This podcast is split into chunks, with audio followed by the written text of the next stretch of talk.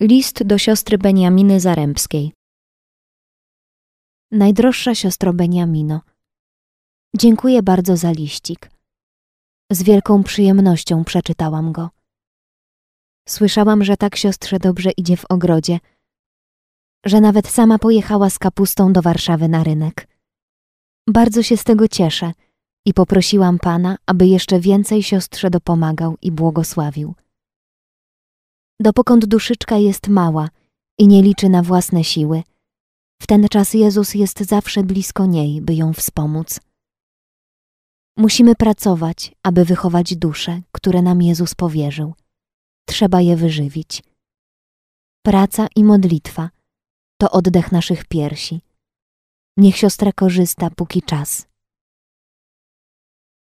Piszę te parę słów do siostry, może już ostatnie w życiu – i proszę mi przebaczyć za niewyraźne pismo. Czuję, że Pan mnie już długo nie pozostawi na tym wygnaniu.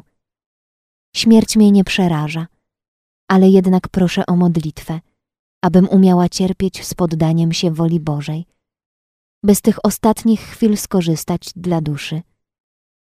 Wiele mam miłych wspomnień z naszej wspólnej pracy.